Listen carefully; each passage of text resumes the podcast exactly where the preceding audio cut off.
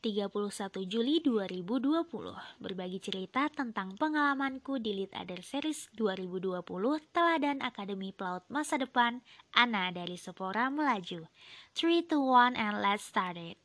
Diperkenalkan dengan pelaut senior dengan cerita hebatnya masing-masing ada Ibu Dini Yusuf dari Toraja Melo, Bang Andreas Sanjaya dari iGrow, Ibu Farida Mahri dari Uang Sakerta Foundation, Bang Kiyudistia, juru bicara Presiden Bidang Sosial sekaligus founder dan CEO dari Disable Enterprise, ada Ibu Andrea Lucianari, General Manager HR Expertise Kompas Gramedia punya nih. Juga ada Bapak Sandi Permadi, si Financial Officer JDID, Mas Nur Agis Aulia, founder Jawa Farm sekaligus wakil rakyat, dan juga ada Mas Yasa Singgi, founder dan CEO Mans Republic. Penasaran banget kan sama semua cerita keren-kerennya? Tapi di episode kali ini aku mau bagiin pengalamannya Mas Yasa Singgi dulu ya. Untuk pelaut senior lainnya aku akan berbagi di episode selanjutnya. Yasa Paramita Singgi atau dikenal dengan Mas Yasa Singgi sukses membangun bisnisnya yaitu Men's Republic yang sudah ia rintis sejak di bangku kuliah. Mas Yasa Singgi ini kelahiran tahun 95 masuk ke dalam 30 anak muda di Asia di bawah 30 tahun yang mampu memberi warna di bisnis e-commerce dan retail versinya Forbes. Jatuh bangun di dunia bisnis menjadi hal lumrah, menjadi hal biasa yang dialami oleh Mas Yasa Singgi. Dan tentunya Men's Republic ini bukan bisnis pertamanya dia. Ini merupakan bisnis kesekian kalinya yang akhirnya melejit dan meraup kesuksesan di usianya yang terbilang muda. Nah sebenarnya kisah mas suksesnya Mas Yasa Singgi ini sudah terbit di banyak sekali artikel Tapi karena aku dengerinnya secara eksklusif dan langsung dari Mas Yasa Singgi Di Lead Other Series 2020 bersama Tanoto Foundation Aku juga mau ceritain sedikit Nah, Mas Yasa Singgi ini anak bungsu dari tiga bersaudara dan seperti anak kebanyakan, Mas Yasa Singgi juga menghabiskan waktunya untuk bermain saat masih sekolah. Nah, awal itu di sini saat Mas Yasa Singgi duduk di bangku SMP, ayahnya terkena serangan jantung sehingga harus melakukan operasi dan butuh uang yang banyak saat itu tapi ayahnya Mas Yasa Singgi ini menolak untuk melakukan operasi. Beliau lebih memilih untuk menggunakan uang pengobatannya ini untuk membiayai pendidikan anak-anaknya termasuk Mas Yasa Singgi. Nah, kejadian inilah yang saat itu membuat Mas Yasa Singgi berpikir untuk mencari penghasilan sendiri.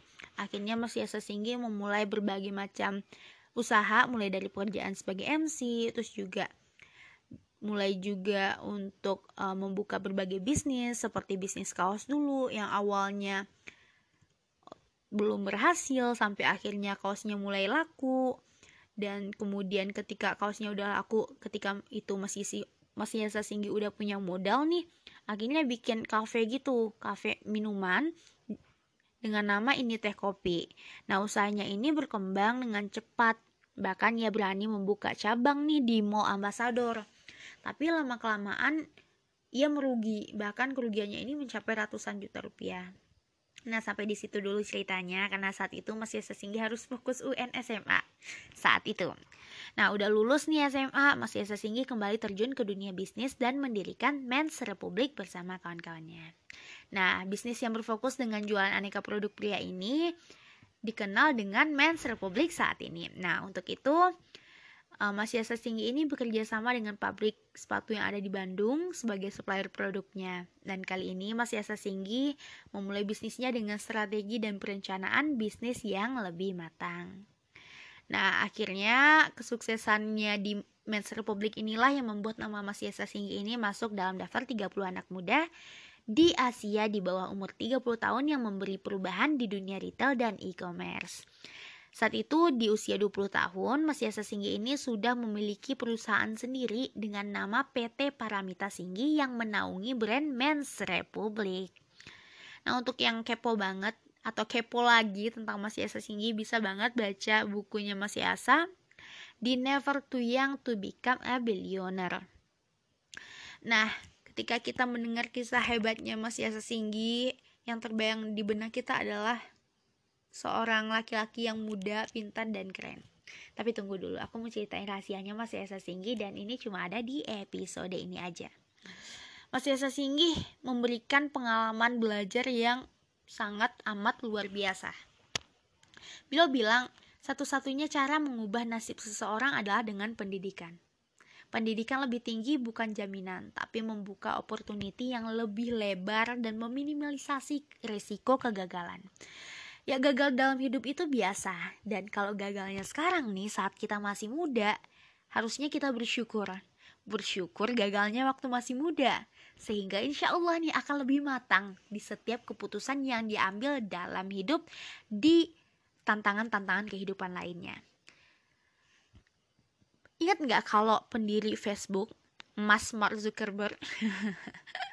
nah, si doi DO nih. DO aja bisa sukses kan, apalagi lulus. Tapi satu hal nih yang perlu kita catat. Mas Mark Zuckerberg ini DO-nya dari Harvard. Nah, masuk sana aja syaratnya udah pinter minta ampun. Jadi kita tidak bisa membandingkan DO-nya Harvard sama DO-nya dalam negeri. Yuk lanjut. Teng teng teng teng teng teng. Ada pertanyaan masuk nih kita jawab dulu. Nah, kenapa dari banyaknya pelaut senior yang hebat, si Ana memutuskan untuk menceritakan ilmu dari Mas Yasa duluan? Nah, jadi gini, alasannya adalah karena kisahnya Mas Yasa adalah kisah yang paling Ana ingat. Artinya yang paling membekas dong ya. Nah, karena apa? Karena apa yang beliau sampaikan ini tentang bisnis dan ini sangat memotivasi aku untuk berjuang lebih tangguh dalam membangun bisnis. Karena satu dari banyak hal yang ingin aku capai dalam hidup adalah menjadi pebisnis. Nah, Mas Yasi Singgi ini memberikan berbagai tips nih untuk kita pas banget buat yang mau masuk kuliah, yang sedang kuliah, yang sedang merencanakan bisnis atau sedang merintis bisnisnya. Pertama, kalau buat yang mau baru masuk kuliah, pilih jurusan yang kita suka. Tujuannya apa sih? Ya agar kita lebih enjoy dalam menjalaninya dan kita bisa melakukan yang terbaik di setiap waktunya. Kedua, jangan lupa time management. Kuncinya disiplin. Ketika kita udah disiplin sama waktu, diharapkan kita pasti akan disiplin pada setiap hal-hal lainnya. Yang ketiga itu membangun tim untuk membuat bisnis. Nggak bisa bisnis sendirian karena bisnis itu dengan banyaknya orang dalam tim itu itu diharapkan akan saling melengkapi sehingga membangun tim untuk bisnis itu suatu hal yang harus dilakukan. Yang keempat, don't take our blessing for granted. Jadi lakukan apa pun dengan sungguh-sungguh. Apa pun yang udah kita punya sekarang manfaatkan, lakukan dengan sungguh-sungguh. Nah, dalam hidupnya Mas Yasa ini punya life purpose yang tentunya sangat-sangat positif karena life purpose-nya Mas Yasa Singgi itu adalah inspiration. Ke mana pun dia melangkah, dia harus selalu bisa menyebarkan kebaikan dan menginspirasi orang lain. Karena saking keponya aku sama Mas Yasa Singgi, akhirnya aku scroll Instagramnya Mas Yasa Singgi dan aku menemukan postingan dengan caption, When I die, I wanna remember as a man of value who becomes a positive impact, sources of fortune, and delivering kind inspiration. Of course, kindness and inspiration to the world. Nah, tiga poin penting nih dalam hidup yang dicatat sama Mas Yasa Singgi adalah dream, purpose, and value. Kita harus punya mimpi, harus punya tujuan, dan harus punya nilai-nilai yang selalu dijunjung dalam menjalani kehidupan. Tapi sebelum kita melangkah nih, ketika kita ingin membangun suatu hal atau melakukan apa pun, kita harus tahu dulu posisi kita di mana, kompetensi kita gimana, kapabilitas kita seperti apa dan kapasitas kita bagaimana. Sehingga Hal ini akan memudahkan kita dalam mencapai tujuan kita. Nah, untuk tips-tips bisnisnya mungkin aku akan share lagi di uh, pesan suara selanjutnya di episode selanjutnya. Tapi ini pesan yang sangat penting banget untuk teman-teman yang mungkin masih kuliah. Kata Mas Yasa begini, ketika kamu jadi mahasiswa ya cari experience sebanyak-banyaknya. Jangan sia-siakan karena hanya pas masa kuliah nih kita bisa cari pengalaman sebanyak-banyak tanpa beban apa pun. Dan kedua, kalau bisa gagal sekarang ya gagal sekarang, ngapain nanti? Ketiga, jangan lupa catat apa yang disyukuri hari ini, apa yang dipelajari hari ini, dan apa yang akan kamu lakukan besok. Checklist semua kebiasaan-kebiasaan baikmu. Dan kadang kita pernah kehilangan motivasi dalam hidup mungkin saja, tapi ketika kamu mau hidup sukses tanpa motivasi, kata Mas Yasa jaga habit yang baik karena dengan habit yang baik kamu akan sukses insya Allah. Nah, untuk uh, menanggapi isu-isu SDG ini yang sedang kita perjuangkan bersama sedunia. Nah, para pelaut senior ini khususnya Mas Yasa uh, memberikan uh, fokus fokus pada SDG dengan banyak poin tampaknya. Nah, dengan membangun bisnis ini tentunya Mas Yasa membuka peluang kerja lebih banyak untuk lebih banyak orang dan tentunya ini membantu meningkatkan kesejahteraan karyawannya. Nah, Mas Yasa Singgi juga mendorong lebih banyak anak muda untuk tetap menomorsatukan pendidikan karena pendidikan itu penting adanya. Mas Yasa Singgi juga mendorong anak muda untuk lebih berinovasi dan menciptakan karya-karya terbaik yang dapat membantu meningkatkan produktivitas dan kesejahteraan. Nah, satu hal lagi yang dapat kita tangkap dari perjalanannya Mas Yasa Singgi adalah keberaniannya untuk melangkah.